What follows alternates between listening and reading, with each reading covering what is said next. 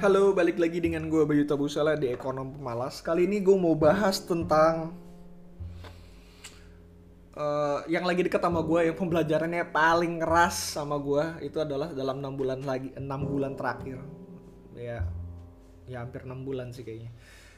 Uh, gue ngecekin beberapa investasi yang pernah gue lakuin dan kenapa gue keluar dan akhirnya uh, gue cekin jauh dengan jangka panjang dengan jangka yang lebih panjang lagi yaitu adalah uh, kepada investasi-investasi gue masa lalu yang gue tiba-tiba nggak bettingnya kayak anjing nih terlalu lama lah. Uh, terus udah gitu kok kayaknya ada yang lebih baik dan segala macam kayaknya nggak menarik juga karena uh, growth-nya rendah karena dan uh, satu dan lain hal dan sebagainya gitu. Uh, gue akan bahas tentang investasi gue ya balik lagi di US dan di Indonesia mengenai kata-kata ini sih sabar sabar menunggu bahwa investasi lu bakalan jauh lebih baik dibanding lu nggak sabar kalau lu nggak nunggu. That's it gitu. Itu yang harus lu pahamin bahwa lu harus sabar. Ketika tesis lu sudah benar yang harus lakukan adalah sabar.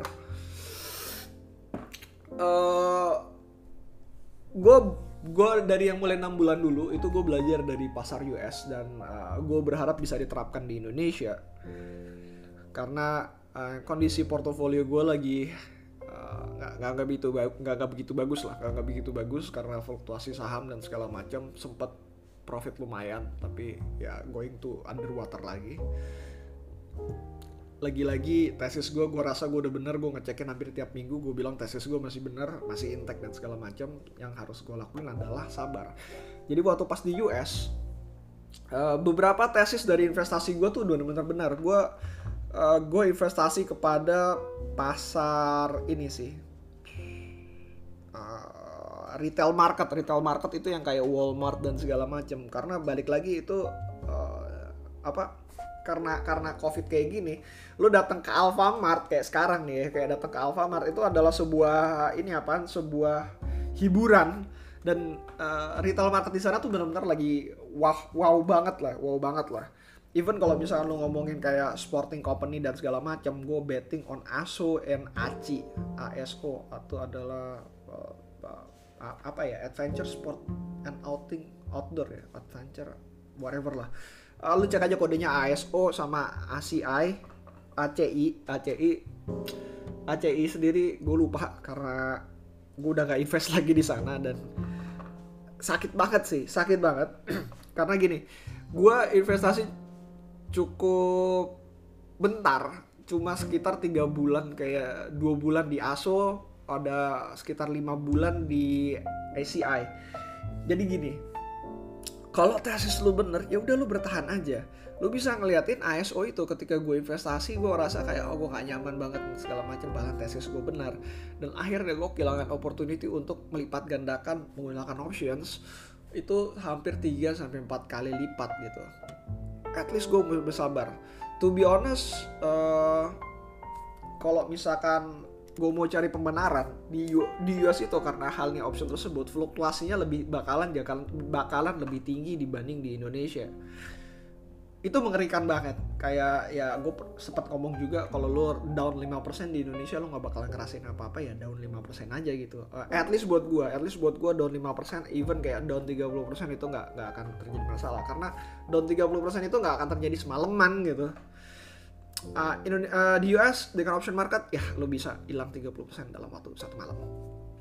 Uh, terus ya ya ya itu itu yang terjadi itu yang terjadi dan uh, itu yang menyebabkan kayak uh, batin gua mesti belajar terhadap uh, perubahan ini. Dan akhirnya karena hal tersebut gua nggak uh, betting di ASO tapi gue betting cukup lama di ACI di ACI ya hasil ya seharusnya gue naik tiga kali lipat tapi kenyataannya gue cuma balik modal doang. Karena uh, apa ya gue takut.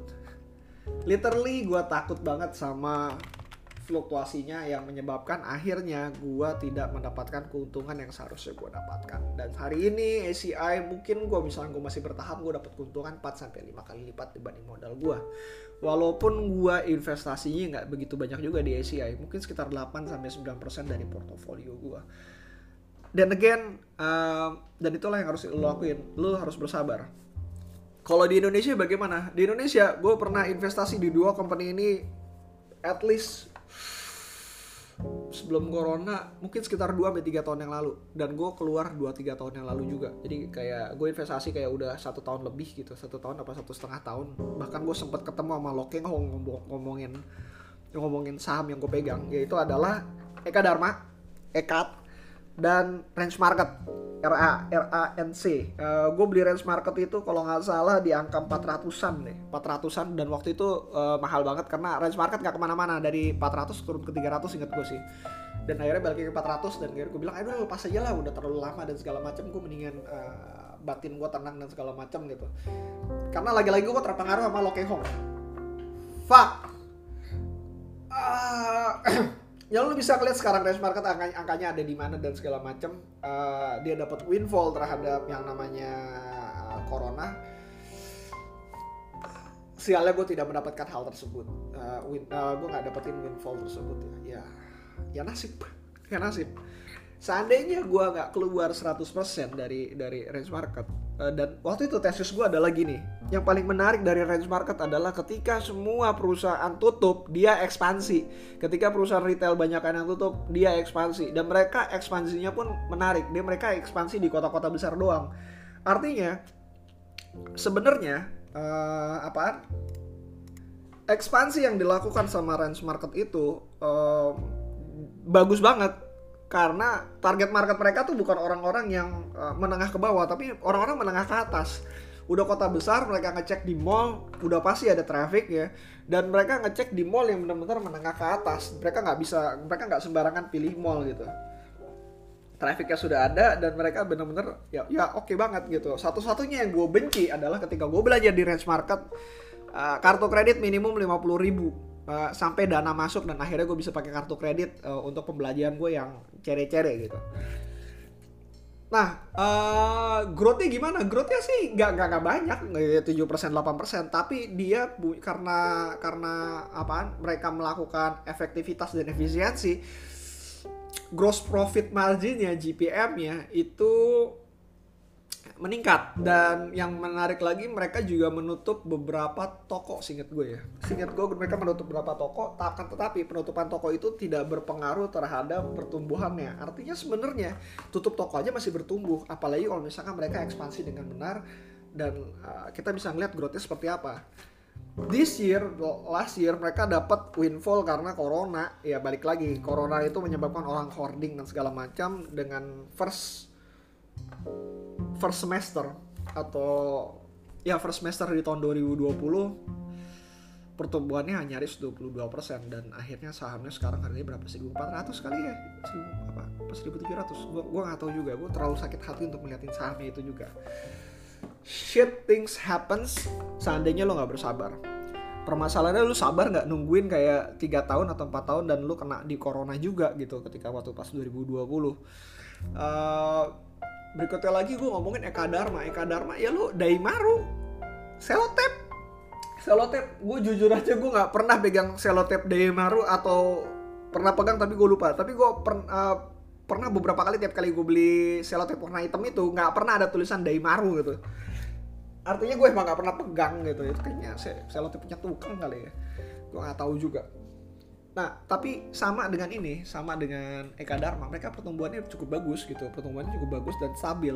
Even kayak dalam kondisi apa pun mereka masih tetap bertumbuh gitu. Beda sama range market yang uh, pertumbuhannya kayak hampir sepersen, tujuh persen, nah, ya udah kecil banget lah itu. Uh, gue merasa range market itu adalah sebuah kesalahan ngeliat dari sisi growth-nya. Jadi 7%, 8% jadi kayak uh, ya sudah lah uh, lo nasib nasib aja lah untuk range market bahwa lo nggak dapet windfall nih tapi kalau misalkan di mana ya di Eka Dharma ya, ya gue bisa bilang bahwa ngeliatin dari pertumbuhannya itu tuh bagus banget Eka Dharma tuh mungkin sekitar 15 sampai 30%. Oh ya, anyway, range market itu emang pertumbuhannya 7 sampai 8%, tapi uh, net income itu bertumbuh sampai 20-30%. Jadi emang emang emang better better margin karena better margin mereka bisa ngasilin keuntungan yang benar-benar lebih tinggi dibandingkan sebelum-sebelumnya. Jadi uh, apa ya range market bener-bener gue ngerasa kayak fuck banget lah bener bahwa pertumbuhan dari range market itu sangat kecil akan tetapi margin karena kalau karena mereka bisa dapetin better margin mereka bisa ngasilin keuntungan atau pro, uh, gross profit yang jauh lebih besar dibandingkan salesnya. Itu kalau misalkan lo ngeliatin kayak di perusahaan tambang di Indonesia ya nyaris kayak gitu juga gitu. Lo bakalan ngeliatin bahwa ini kenapa ya kalau misalnya ini pertumbuhannya uh, uh, salesnya rendah tapi hasilnya lebih bagus gitu ya ya balik lagi gitu deh mereka dapat better margin Sedangkan Eka Dharma itu kebalikannya. Uh, mereka punya pertumbuhan sales yang bagus tapi margin mereka eh, lumayan stagnan sedikit menurun lah gitu. Sehingga menghasilkan pertumbuhan uh, ah, EPS yang nggak begitu bagus juga gitu. Akan tetapi kalau misalkan lo ngomongin tentang Eka Dharma dengan range market ini ya, keduanya punya balance sheet yang uh, gue suka banget lagi. Gue benar-benar suka banget dan uh, apa ya? murah lah. Eka Dharma waktu itu gue beli di berapa ya? Gue lupa 700 700 atau berapa gitu ya. Gue lupa banget. Sekitar 700 dan kemarin sempat nyentuh 1700an ya. Fakta lah fakta lah. Kenapa gue ambil paling tinggi? Ya jangan 1700 lah. At least kayak gue kalau misalnya dari 1700 gue bakalan jual eh, 15% dari titik tertinggi 0,85 hmm, ya at least kayak 1400 1500 lah harusnya gue bisa doubling di the amount of my, uh, my own money kalau misalkan gue benar-benar bisa bertahan. Nah, uh, dibandingkan dengan investasi gue yang sekarang, apakah jauh lebih baik kalau misalnya saya gue bertahan di sana? Jawabannya iya. Tapi di lain pihak, lu pasti bakalan belajar juga bahwa bakalan tahu juga bahwa gue juga masih dalam proses belajar. Karena gue gak sabar, akhirnya gue kehilangan opportunity. Karena gue yang gak sabar, akhirnya gue pegang saham yang jauh lebih buruk. Karena gue tidak sabar gue akhirnya belajar jauh lebih banyak lagi gitu. Seandainya kalau misalkan gue nggak pegang range market uh, eh, gue nggak akan pegang namanya uh, Wika Gedung. Ketika gue nggak pegang Wika Gedung Wika Gedung waktu itu uh, sempet nyentuh naik dari portofolio gue hampir nyaris dua kali lipat ya 70-80 persen gitu. Uh, 70-80 dan akhirnya gue nggak uh, gue break the rules dan akhirnya gue kayak uh, sakit banget. Uh, eh, gue gak, gak, gak jual Wika gedung gue sendiri waktu itu ataupun hanya sebagian karena rules tersebut gue udah break. Dan akhirnya gue mengalami kerugian yang cukup parah ketika pasca corona. Sedangkan ketika kalau misalkan gue di range market uh, lu bakalan di pasca corona juga lu bakalan ngelihat ada apaan uh, kejatuhan lah kejatuhan juga ya hampir semuanya lah di corona semuanya jatuh ya waktu pas bulan Maret uh, ntar gue ngecek dulu apakah benar Enggak ternyata. Fuck. Range Market nggak jatuh waktu pas corona kemarin. Eka Dharma jatuh. Dan portofolio gue seharusnya menghasilkan jauh lebih baik dibanding gue uh, saat ini. Tapi balik lagi, uh, gue ada pembelajaran akhirnya. Gue ada pembelajaran dan uh, ketika gue betting terhadap company yang lain, dalam hal ini gue betting terhadap, uh, gue sempat ngomong juga uh, gue belum bisa ngomong juga lebih jauh kalau misalnya tentang yang di Indonesia. Jadi gue lagi betting terhadap company ini dan gue memang harus bersabar. Lagi-lagi eh, nggak enak untuk bersabar ketika duit lo uh, kelihatan yang menghilang. Tapi akan jauh lebih baik ketika lo bersabar karena lo bakalan reap what you sow in the futures kalau misalkan uh, tesis lu benar, bagaimana dengan tesis lu yang salah? Ya, lu balik lagi, lu uh, siap nggak dengan kerugian yang wajib lu tanggung? lagi-lagi ketika gue ngeliatin dari dari ini ya gue juga upgrade beberapa ilmu yang gue ketahuin dan gue bakalan ngeliat bahwa ternyata range market itu mengalami tren yang lebih baik dibanding sebelumnya dan Eka Dharma walaupun dengan Dai Marunya juga mengalami tren yang lebih baik dibanding sebelumnya artinya gue kali ini bisa ngeliat bahwa trennya jauh lebih baik. Size gue harusnya jauh lebih minimum dibanding gue tidak mengetahui hal tersebut. Dalam hal ini gue juga belajar bahwa uh, walaupun gue waktu itu nggak tahu gue ngecek bahwa dengan tren yang ada dengan apa yang segala macam sahamnya nggak jatuh lebih banyak dibanding 20% ketika waktu gue mengalami pembelian pertama kali. Artinya sebenarnya tesis gue sudah cukup benar walaupun tidak didukung oleh tren Kenapa nggak didukung oleh tren ya? Balik lagi gue baru belajar tren juga 6 sampai 7 tahun yang lalu. Eh 6 sampai 7 tahun, 6 sampai 7 bulan yang lalu. Dalam hal ini kita nggak ngomongin tren grafik gitu. Gue nggak ngomongin tren grafik ataupun uh, technical analysis tapi lebih ke arah fundamental analysis dilihat dari sisi uh, marketing jadi uh, marketing research yang gue lakuin terhadap produk mereka ternyata jauh uh, lebih bagus uh, trennya bagus penjualannya seharusnya meningkat dan that's it lah. That's it yang akhirnya gue uh, harusnya bertahan dan uh, ternyata enggak gitu. Jadi lagi-lagi uh, gue bakalan ngomong mengutip kata-kata yang bijaksana. Gue lupa ini Warren Buffett atau yang lain. Ya intinya adalah kalau apa market dalam jangka pendek sorry market dalam jangka pendek itu adalah mesin voting tapi dalam jangka wanja, uh, jangka panjang itu adalah sebuah uh, fundamental dari perusahaan tersebut.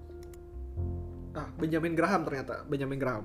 Dalam jangka pendek perusahaan itu adalah mesin voting. Dalam jangka panjang perusahaan itu adalah mesin pembobotan yang membobotkan dari substansi dari perusahaan tersebut. In the uh, kalau lo beli nggak mahal-mahal banget ya, nggak kemahalan, lo beli at fair aja, lo bakal sorry, lo bakalan ngasilin keuntungan yang cukup lumayan. Kalau misalkan lo beli kemahalan ya balik lagi. uh, lo butuh waktu yang lebih lama lagi untuk mendapatkan keuntungan yang lo inginkan. Sekian dari gue, uh, mudah-mudahan pembelajaran gue menjadi uh, masukan buat kalian juga. Uh, let me know kalau kalian punya pembelajaran yang lebih baik dibanding gue karena uh, gue pengen tahu juga pembelajaran yang kalian dapatkan. Uh, mudah-mudahan jadi pembelajaran yang bagus juga buat gue. Like, ya mau gimana ya? Uh, gue gua gue saat ini lagi into terhadap collaborating investment dan gue berharap ini bakalan terjadi di Indonesia. Collaborating investment itu adalah ketika sebuah apa sebuah komunitas itu melakukan riset secara bersama dan akhirnya kita bisa menambal sulam terhadap apa yang kita researchkan sehingga menjadi research yang lebih bagus lagi. Sehingga ketika kita masuk secara bersama-sama kita dapat untung bersama-sama gitu. Ya walaupun keputusan kembali lagi kepada masing-masing akan tetapi research itu bisa kolaborasi kok gitu Uh, sekian dari gua. Uh, see you again next time. Bye.